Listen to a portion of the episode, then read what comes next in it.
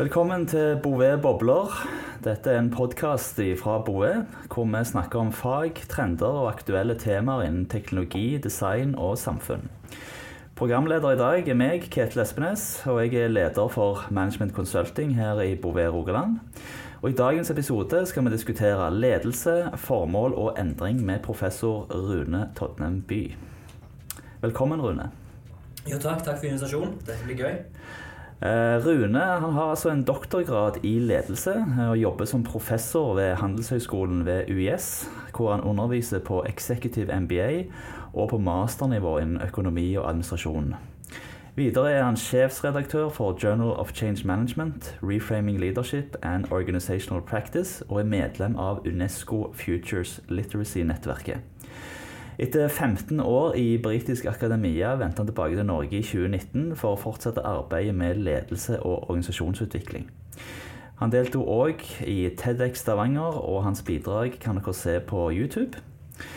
Eh, personlig så traff jeg først eh, Rune når jeg studerte endringsledelse på Executive MBA.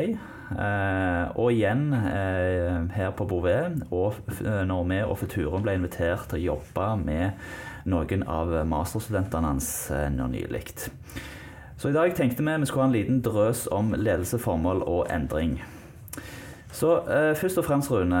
Eh, jeg så på denne TEDX-foredraget ditt og leste en del av de artiklene dine. Du snakker mye om dette å være epically mad. Hva mener du egentlig med det? Ja, godt, godt, spørsmål. Det begynte med å snakke om, om, å være mad, making a difference. Jeg ble spurt for eh, noen år siden å levere et litt sånn pauseseminar til noen nede i Nederland. Og så tenkte jeg her må vi gjøre noe som er litt nytt og spennende. Og så ble tittelen på en måte We need mad leaders. Og med det mente jeg da eh, folk i, i lederstillinger som uh, gjør en forskjell, make a difference. Og det var ikke så veldig gjennomtenkt og veloverveid. Liksom, det bare rullet av tunga, og det kom, og det skjedde. Men uh, det var en sånn halvtimes innlegg, og jeg hadde en kø med mennesker etterpå som ville snakke om det å være mad. Så liksom, det, det, det beit seg fast i folk. Og jeg tror, jeg tror folk satt der og spurte seg sjøl Hei, er jeg mad? Liksom, hvordan gjør jeg en, en forskjell? Så det var en veldig spennende tilbakemelding. Og så har jeg brukt det både når jeg snakker med, med folk i selskaper og i undervisningssammenheng. Og så har det liksom utvikla seg da, til, til Epically Mad, som vi prøver å bygge litt i stedet. Jeg skal ikke fortelle folk hvordan hvordan du skal gjøre en forskjell, det er veldig veldig personlig. Hvordan du gjør en forskjell, jeg gjør en forskjell. Og i bunn og grunn, alle gjør en forskjell. Men det er bare liksom, hvor stor forskjell kan vi gjøre, og, og, og kan vi hjelpe andre òg. Så bare da videreutvikla liksom, eh, Det ble først Epic, som har liksom fokus på, på E. Jeg kjører på engelsk, vet du. Mm. E for energi, og P for purpose. I for identitet, og C for courage. Og så hørtes det bare rart ut. Nå er ikke en sånn markedsføringsindivid, men så Epic Mad vet du, som mangler. Så, oi, vi må binde de sammen, så blir det Ally. Og da, Ally blir jo liksom, Det er noen du, du, jobber sammen med. Du er ikke nødvendigvis alltid enige, men du jobber sammen med likesinnede på noen områder mot å nå felles mål. Så det har blitt veldig godt sånn um, et, lite verktøy å snakke rundt. Uh, og, og, veldig lite å fortelle folk hva de skal gjøre, og hvordan de skal gjøre det. Men de finner det liksom sjøl. Mm. Så det var gøy. Så fikk jeg da invitasjon til å levere den TEDX-en for et par år siden. Det var mm. jo eh, Rune har vel aldri vært så nervøs før i sitt liv. En kjempeopplevelse. Så de som får tilbud om å bli med på TEDX, om det er Stavanger eller en annen plass ja, sier dere. Ja, for Du klarte jo synes du klarte det, å levere veldig bra. Du bandt med sammen litt sånn personlige opplevelser òg, sammen med det å være epically med. Og så Det som var jo spennende, var jo at du bandt dette her opp mot eh, eh, altså, altså, problemer med, med, med møte altså, i verden i dag, som f.eks. Altså, utfordringen med å nå FNs bærekraftmål, f.eks. Yeah. Eh, yeah. Uh, og, og, og ikke, ikke, minst altså, pandemien vi står oppe i nå. Altså, kan du si noen ord om uh, hvordan du tenker for deg den koblingen? Ja, først bare veldig kjapt det du sa. det liksom min første plan på TEDX-talken så veldig annerledes ut. Så det som skjer når du inviterer til, så får du to coaches, da. Og de gjorde en helt fantastisk jobb. Og det òg sier litt om, om verdien å kanskje ha coaches i organisasjoner, og det å tenke på, på storytelling hvis du er i en, en formell ledersituasjon. Det å oversette mål og formål og, og gjøre det virkelig. Um, det som har blitt litt uh, viktig for meg, det er når jeg snakker om formål, da, så får du ofte sånn spørsmål ja, men hva mener du, Rune? Hva er et formål? Og så har vi jo alle forskjellige formål i livet. Uh, altså det er ting vi deler, og andre ting vi ikke deler. Så da prøvde jeg å identifisere hva er det som liksom trekker flest mulig, eller treffer flest mulig. Og da ble det liksom, liksom framtiden for våre barn. Liksom, har vi en planet, en, en, en mm. sunn planet? Eh, det er ingen som vil gå inn for å ødelegge planeten. Mm. um, så da fant jeg fort ut at det var noe folk kan ta tak i. Men det som også er viktig, er at det, at det ikke blir så fjernt. Det med bærekraftsmålene det er ikke noe som liksom Erna Solberg har norgesansvaret på, eller NTNU har universitetsansvaret på. Det er noe, Hvis det skal skje, så må vi jo alle bidra. Så det jeg ofte gjør da, når jeg, når jeg er ute i bedrifter og når jeg uh, foreleser og jobber med, med, kandidater på Executive MBA, det at vi legger liksom rammer rundt uh, bærekraftsmålene. Vi går ikke i dybden på bærekraftsmålene, men vi sier liksom dette er et bilde vi står i i dag, der alle har et ansvar å være med å levere. Det er oss som individer eller våre organisasjoner. Helst begge deler. Og så blir det liksom refleksjon på Vi kan ikke levere på liksom nødvendigvis alle 17 her og nå, men så blir det liksom siste bærekraftsmålet nummer 17, så går det liksom på, på, partnerskap. da. Så det blir liksom, Her er jo endring, her er det jo lederskap, her er det, her er det kommunikasjon og jobbe sammen. Så vi prøver også å bygge opp liksom realistiske rammer som da kan omfavne alle industrier, alle sektorer. For vi, jo, vi jobber jo mye med folk både fra privat sektor, offentlig sektor og fra frivillig sektor. Og da når du har liksom introdusert det som et rammeverk, så ser du at samtalene skjer av seg sjøl. Dette er jo, eh, det er jo sånn typisk altså, Gjerne vi som jobber i konsulentbransjen, og mange andre òg ledere i andre virksomheter. Vi har jo flere ledere som gjerne ser opp til. Uh, altså, vi leser biografien til Steve Jobs. Uh, vi leser om hvordan Bill Gates liksom var den eneste som sto bak Windows. Vi på en måte leser om alle galskapen til Elon Musk og hvor bra han Eh, sant, eh, får det til i næringslivet. Eh, men du begynner jo ofte bidragene med dine å si at disse enkeltlederne egentlig ikke er så viktige, men at ledelse er viktig. Er du ikke redd for å tråkke på mange tær? Uh, om jeg ikke hadde gjort med vilje, så hadde jeg vært redd for å tråkke på tærne. Ja. Jeg sier jo liksom ledere er ikke viktig. Det er ledelse eller lederskap som er viktig. Og da, da kommer det an på rommet, da kommer det an på hvem du har en samtale med. Og gjør det ikke for at noen skal føle seg leie eller ubrukelige, men det, jeg gjør det for med vilje å sette et fokus på aktiviteten lederskap, ikke på liksom den formelle rollen eller tittelen. Eh, jeg er jo for all del ikke en antileder. Det har jeg blitt nesten beskyldt for. Liksom, liker du ikke ledere? Nei, nei, selvfølgelig. Vi, vi, har alltid hatt formelle og uformelle ledere. Jeg tror vi alltid vil ha det. Men jeg tror òg at det er i vår interesse og, det er nødvendighet at vi må se på lederskap som noe faktisk flere kan og bør og kanskje skal bidra til. Det er sånn lederskap-pendulum. Av og til så bidrar du mer aktivt, andre ganger så er du mer i en støtterolle. Um, men så er det jo sånn um, Det er en som heter Burns, som i 78 skrev en bok som heter 'Leadership'. Eh, veldig bra bok. Og han skrev jo liksom Kanskje vi vet altfor mye om ledere, men altfor lite om lederskap. Så han foreslo jo da i innledningen på boka at vi er helt sånn eh, liksom obsessed. Vi er helt sånn, vi vil vite alt. Det er sånn Se og Hør-kultur. Vi vil lese alt som er om ledere. Liksom, hva spiser de til frokost? Hva, hva bil kjører de? Sant? Det er sikkert elbilder. Sånn. Ja. Hva, hva, hva, er det hund eller katt? Eh, hvor reiser de på ferie? Hva gjør de på soverommet? Så det blir veldig sånn Ok, men hvorfor er det viktig? Det er ikke heller viktigere.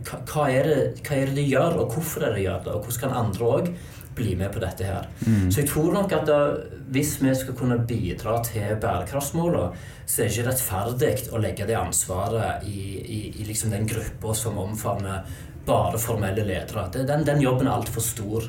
Mm. Og, så, og, da må alle ta, være med og ta på seg litt ansvar. For i organisasjoner så er det ofte oss og de, selv om alle er på samme lag. Ja. Vi er i samme organisasjon og samme arbeidsgiver. Men så blir det ofte at vi snakker om, om ledere og ansatte. Og jeg er veldig sånn, Ledere er jo òg ansatte. Sant? de har fått en jobb, de kan miste en jobb. Uh, og jeg tror ikke at det er oss og de-terminologien um, er, er, er, så veldig hjelpsom. Men så det de som kanskje da ikke er i formelle lederroller, de kan ofte pushe ansvar vekk fra seg og si at dette er ikke mitt ansvar, for jeg er ikke leder. Eller dette er above my pay grade. Ja. Det er sånn, ja, ja, men Kom igjen, la oss, la oss jobbe sammen. Mm, og, der, mm. Derfor så prøver jeg å fokusere på lederskap som et verv, som en aktivitet. det er noe jeg kan gjøre, du kan gjøre. Mm. La oss gjøre det sammen. på en måte. Mm, mm, ja. Eh, du nevner jo uh, Burns bl.a. og Barker og Rost. Altså det er jo flere her som Og det er jo gjort enormt mye forskning innenfor ledelse. Det hadde vi jo om i, i faget ditt. Hvorfor er det så vanskelig å definere hva ledelse er for noe, egentlig? Ja, det er godt, det er, godt spørsmål. Jeg vet, jeg vet ikke det, det, er gjort mye forskning, men, mm. men det, det, er gjort mye forskning på kanskje feil ting. Det, det er jo forskning på det er jo forskning på ledere og, og, forhold mellom leder og følger. på en måte, og Ordet mm. følger er ikke det kuleste i verden heller. Nei, Hva vil nei. si 'jeg er en følger'? Ja. Leder kan høres kult ut, og proaktivt og, og positivt. Følger ikke så fullt så mye. Så det, vi, må, vi må jobbe litt på, på ordene. Men det er ikke gjort så mye forskning på faktisk liksom, essensen av lederskap. Hva er denne aktiviteten? Um, det er jo litt sånn at uh, vi, vi, er litt satt i tid. Det er fremdeles litt sånn big man-teorien. Mm. Uh, sånn for i Norge, når du ser på de store selskapene, det er fremdeles mest, mest menn som, som er ja. ledere. Uh, de kommer gjerne fra spesielle bakgrunner, som fagbakgrunner, utdanningsbakgrunner. Og det er ikke noe galt med, med disse bakgrunnene, eller at de er menn. For, liksom, men, men, det er mange flere som òg kan, kan bidra til til, til, lederskap. Så det som er litt gøy nå, det er at, å se det at det blir litt mer fokus på, på kollektivt eh, lederskap, f.eks. Det at vi gjør noe sammen. At det ikke bare er bundet til, til, en, til en rolle. Mm. Men det er, det er en kjempeutfordring. Jeg, jeg kjørte forbi en barnehage her en dag, og det har sånn kjerneverdier skrevet på veggen. Ja. Og den ene verdien der er ledelse. Og da tenker jeg, ok, men hvordan er, hvordan er det dere snakker ledelse på en barnehage, liksom? Mm. Er det personlig? At da skulle ha spisse albuer? Skal hjelpe hvis snill òg, da.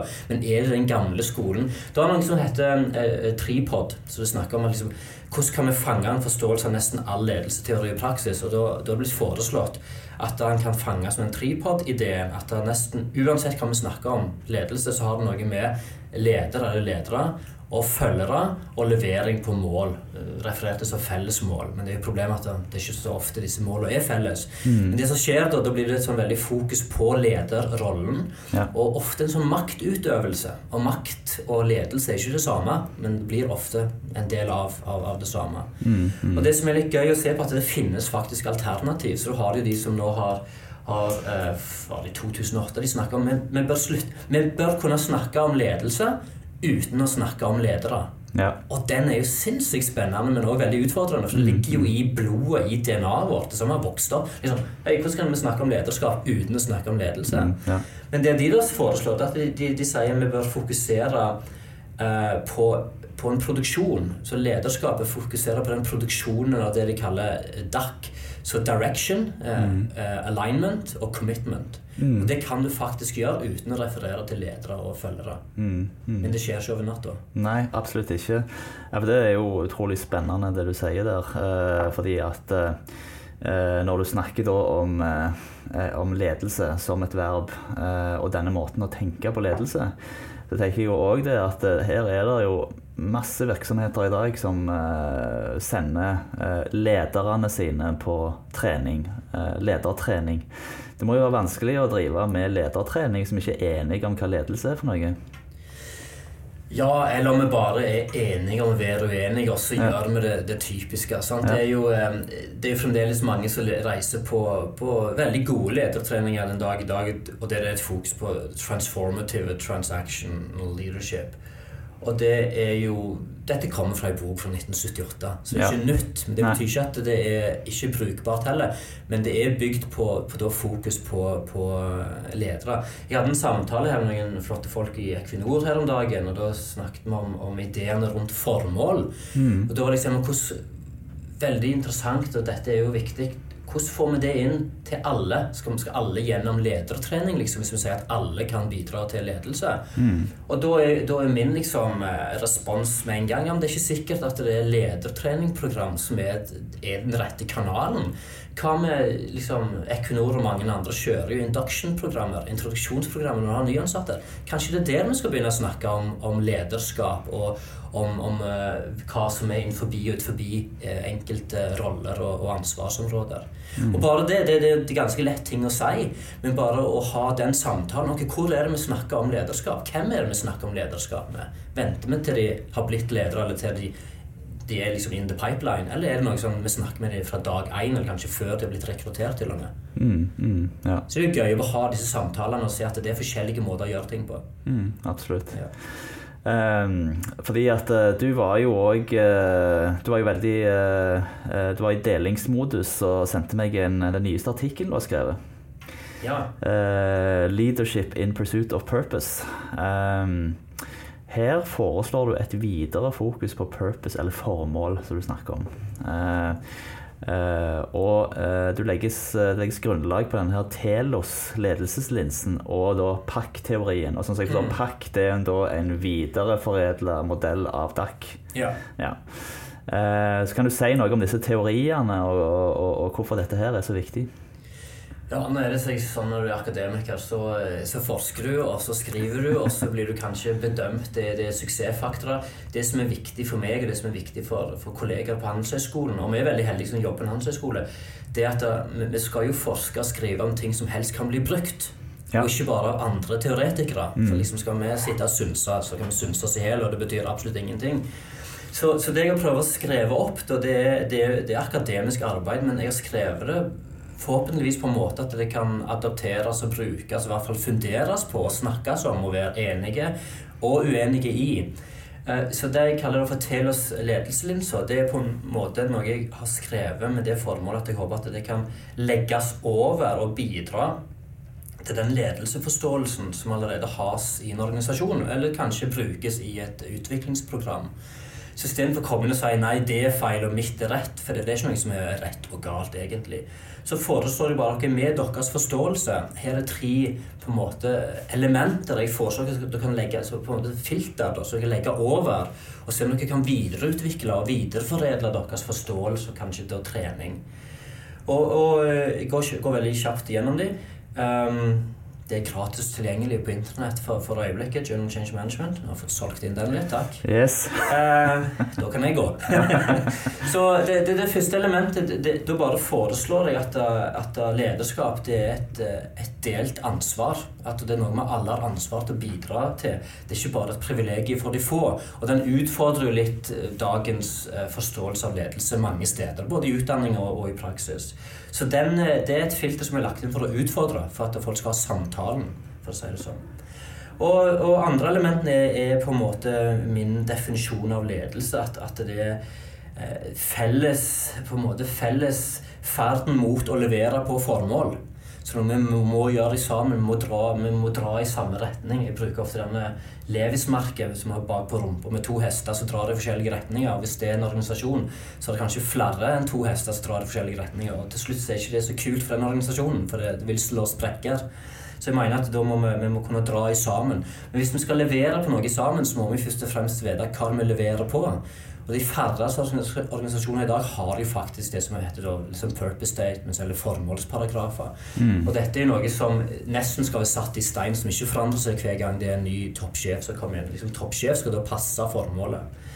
Og så den siste, da, da, da blir det litt normativt. Da mener jeg at disse formålene, lederskapsformålene skal være informert av, av det som kalles interne goder, og da f.eks. FNs bærekraftsmål. Ja. Og interne goder det går på at vi, vi leverer på større formål, så vi prøver å gjøre det som er best for flest. Og det høres jo litt sånn Ja, ja, Rune, i en perfekt verden så hadde det vært kjempekult. Men og da, Det motsatte er det som kalles eksterne goder. Og Eksterne goder er ofte da makt, innflytelse, penger. Det er ikke noe galt i noen av de tingene, men som endemål. Vi jobber mot makt, innflytelse, penger som endemål. Men noen jobber jo mot dette som de kan utføre mer. Sant? At de vil gjøre et bedre bidrag til en bedre verden.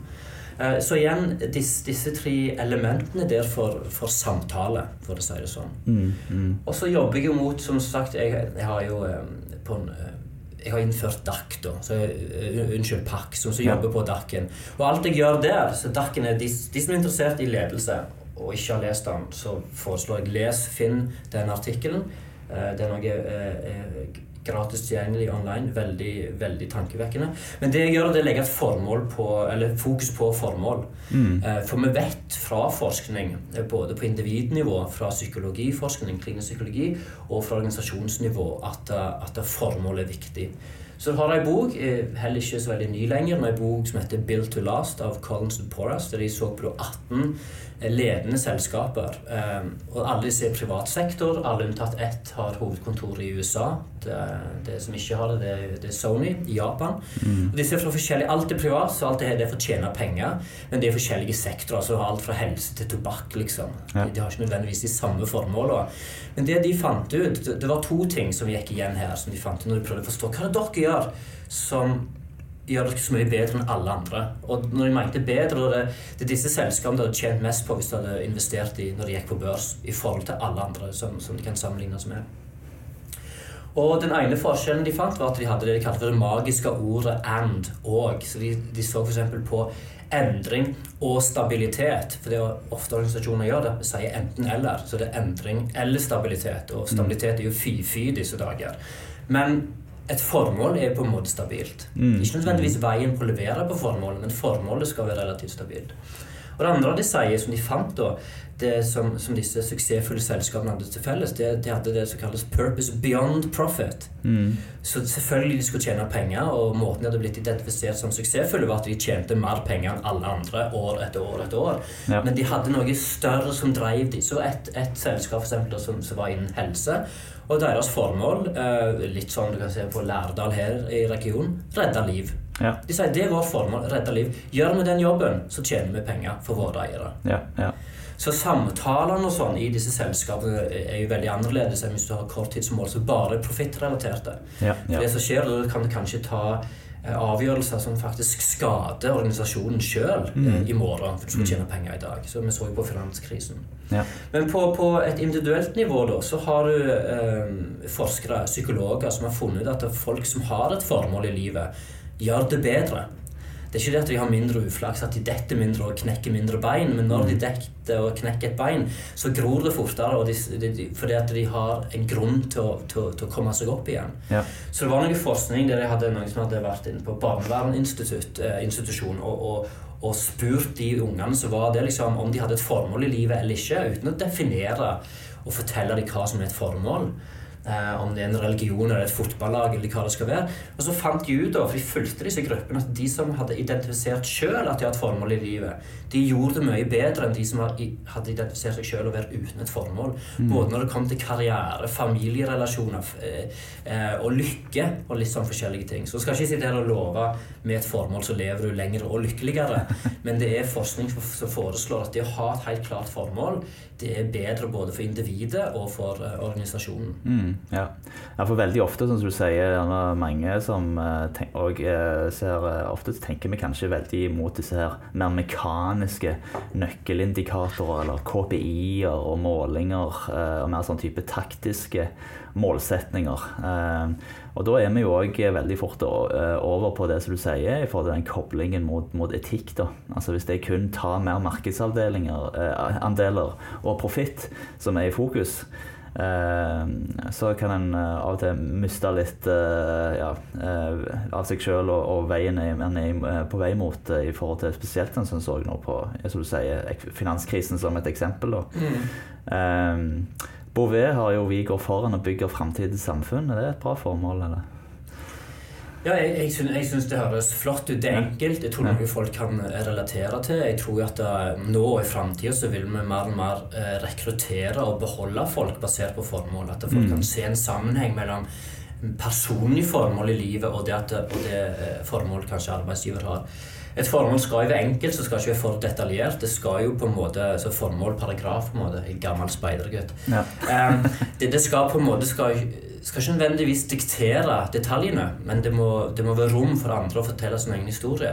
Men det som er viktig, det må være ærlig. Det må være autentisk. Det kan ikke være en sånn markedsføringskampanje. Så jeg har jo snakket med en del uh, flotte folk i flotte organisasjoner som kanskje har en formålsparagraf, men folk er ikke klar over den. Mm. Og om de er klar over den, så ser ikke nødvendigvis hvor han kommer gjennom. For det som skjer, det, Du nevnte jo eh, KPI og liksom forskjellig. Mm. I dag er det veldig viktig at alt skal måles. Ja. Sånn, og vi forstår hvorfor. Det er viktig at ting skal måles. Men det som er litt ulempen, da, er at uh, vi måler ting som er enkle å måle. Mm. Og det som er kanskje viktig, er ofte mer kompleks å måle. Og da blir det ikke så viktig lenger, for det er ikke lett å måle. Og da, mm. sant, Oi, hva gjør vi nå? Og KPI-er det har jo flere og flere i organisasjoner. Og da må vi kanskje se på hva er det, hvordan ser disse KPI-ene ut? For eh, KPI er det for å, for å påvirke atferd. Mm. så som har KPI-er som, som, kjører korttidsbeslutninger på bekostning av, av langtidsinnflytelse, eh, eh så, så, får vi jo det med det, det, vi vil ha. Og da skal vi ikke overraske når det går galt. for å si det sånn. Så det med KPI-er, hvis, hvis, du har, hvis du er seriøs om, om et formål, så vil jeg foreslå at du har et formål og selvfølgelig, Hvis du og meg hadde begynt en, en, ny bedrift i dag, så hadde vi bygd vårt eget formål og ansatt folk mot det formålet. Ofte så er jo bildet litt annerledes. At du sitter i en stor organisasjon og så er du ikke helt klar på formålet. Hvordan skaper vi et formål? Bare det å snakke om formål er jo, er jo en, en god plass å begynne. Mm. Et formål da skal da informere det som kalles kjerneverdier. altså Hva det vi står for som selskap og organisasjon. Hva det vi gjør, men også like viktig å skrive ned hva det vi ikke gjør. Hva det vi aldri vil gjøre. Hva som ikke er ok mm. å, å, foreslå uh, når det kommer til å tjene penger eller spare penger eller oppføre oss mot andre mennesker eller andre levende ting. Og da igjen så bør kanskje disse kjerneverdiene reflekteres i, i KPIs. da. Mm. Sånn at du har en rød tråd, sånn at du ikke sier ja, vi vil redde verden, men vi vil tjene mest mulig penger i dag. Hvis det ikke passer sammen, så, så blir det liksom personlighetsforvirring. Hva er det egentlig vi er her for å gjøre? Mm, mm, mm. Uh, endringsledelse uh, heter jo faget jeg tok uh, som del av MBA-en. og Det er jo blitt veldig et velbrukt og gjerne litt slitt begrep, nesten litt på lik linje med digitalisering. Uh, men uh, allikevel, det, er jo, det, er jo, spennende. Og det er jo sånn som Hvis vi oversetter det til engelsk, så har det jo change management og change leadership. Og i dag snakker vi om change leadership. Yeah. Og, Hva tenker du er linken mellom organisasjonsendring og ledelse? og hvorfor tror du så mange feiler med å gjennomføre nødvendige endringer? Altså, og, og, igjen har du en kommentar til Det står masse sånne, mange sånne store, fire store management consulting-selskapene, f.eks. Så står det 70 av alle organisasjoner feiler i, eh, med å gjennomføre endringer og, og, og, gode greier. Derfor trenger dere hjelp av oss. Er det sant, dette her? Har du ja. betraktninger rundt det? Ja, jeg har blitt fortalt mange ganger Rune, du er jo bare kjempesmart. Du har valgt å fokusere på endring og på ledelse, og det er jo ja. alltid inn. Og eh, Rune er ikke nødvendigvis, jeg er ikke nødvendigvis kjempesmart, det er bare skjedde. Men det er noe der. Det er noe at det er alltid populært. Det er alltid liksom ressurser på på å bli bedre på både endringsledelse og, og ledelse. Um, jeg tror nok at organisasjonsendring og all annen endring og ledelse går, går hånd i hånd. Jeg tror ikke at aktiviteten ledelse bare går på endring. For ofte så blir det endring bare for å endre. Og det som skjer da, da blir det endringsutmattelse. Så mange, liksom, Det er ikke det vi ikke vil eller ikke kan, men vi er bare helt utkjørt. Vi har vært gjennom maraton etter maraton uten å noensinne komme i mål. Mm. Og da, da, stopper du å springe etter en stund. Det er ikke fordi du ikke kan, du har jo vist gang på gang at du kan. Um, så det er det med liksom, Hvorfor gjør vi det, det, det vi holder på med? Så har noe med det endringsbeskjeden som er litt viktig. Uh, når det kommer til den 70 så er jeg, jeg er litt sånn Jeg smiler litt, helst inni meg, men er litt sånn skuffa at, at uh, profesjonelle folk og organisasjoner fremdeles refererer til 70 For den er absolutt helt feil. Det er ingen bevis uh, at det er 70% av all endring som feiler. Uh, for de som fremdeles tror det, så vil jeg bare si, lese en artikkel av en som heter Mark uh, Hughes, mm. uh, som har skrevet om hvor dette kommer fra. Og det er ikke noen bevis, det er ikke noen forskning som er tatt på det. Det kommer fra et amerikansk konsulenthus. Mm, mm. Men, men, beskjeden som kommer gjennom meldingen, som jeg for så vidt er enig i, det er at det er mye endring som feiler. Ja. Det er viktig. Og vi trenger, vi trenger, fremdeles hjelp. Vi trenger å utvikle oss når det kommer til, til, endring, om det er i samfunn eller organisasjoner. Men vi bør slutte å bruke 70% for den er, den er, falsk, for å si det sånn. Ja. Men eh, helt ærlig så syns jeg ikke at det er så rart at mye endring feiler. Eh, for mye endring eh, begynner på en måte feil. Vi vet verken hvor vi skal eller hvor vi er. Og da, liksom, da tenker jeg på, på ute, gå på tur og ha kart. Det er veldig vanskelig å komme seg en, til en plass hvis du ikke vet hvor du skal. Mm. Og enda mer vanskelig da, hvis du ikke vet hvor du starter fra. Men igjen, la oss spille litt på det kartet. Hvis, hvis du forhåpentligvis har med deg rett kart Din destinasjon er på det kartet, og du vet hvor du er. Eller unnskyld, hvis du vet hvor du skal, så du vet formålet i livet, formålet med organisasjonen, formålet med avdelingen, formålet med oppdraget. Hvis du vet det, og ikke helt sikker på hvor du er for øyeblikket, så går det an å gjøre sånn triangulering på kartet. Sånn. Men da må du bruke tid for å hente inn informasjon. Mm. For ofte det, har vi organisasjoner som tror de vet hvor de er, men, men de er aldeles ikke der. Ja. Eh, ofte så er det sånn komfortsone òg. Jeg vil helst tro at vi er her, så la oss ikke ha den vanskelige samtalen. La oss bare se framover. Kom igjen. Eh, så det tror jeg er viktig. At vi må, må bruke litt mer tid på så hvor er det vi skal, og det er jo veldig formålrelatert. Og litt mer tid og energi på hvor er vi? La oss være ærlige nå. Hvor er vi nå? Hva, hva er utfordringene? Hva er, hva er styrkene? For du, når du vet hvor du er og hvor du skal, så er det lettere å lage seg ei rute. Mm. Og Da kan jo ting skje. Sant? Korona kan skje. Eh, 9-11 forhåpentligvis ikke igjen. Men sånne ting som har absolutt null niks kontroll på, kan skje. Og det som kan skje i en organisasjon, det er at ruta kanskje endrer seg. Mens der vi starta, og der vi skal, endrer seg ikke nødvendigvis. Mm. Men så lenge vi vet det, så er vi kanskje mer fleksible. Oi, vi må gå rundt det vannet istedenfor gjennom vannet. Mm. Eller rundt den toppen istedenfor. Oi, jeg gidder ikke gå, bare hoppe over stupet. Det er kanskje kjappest rute, men ikke så Ja, jeg vet ikke helt hvordan det går. Da, går, da klatrer vi ned på sida i stedet for. Stemmer. Ja. ja. Jeg eh, nettopp begynte å lese eh, biografien, eh, eller eh, forretningsboka til Jeff Immelt, eh, som tok over General Electric etter Jack Welsh. I, og han gikk inn i CEO-stolen 10.9.2001. Yeah. så da tenker jeg liksom bak der har du litt sånn i forhold til at du har et selskap som på en måte Pilene peker bare oppover. og Eh, og, så, og, så, skjer det noe sånt, og så har du i tillegg da eh, står bak forsikringen av begge disse to eh, bygningene. Så ja. det, det, er ikke den letteste starten. Nei, stemmer det. Si det sånn.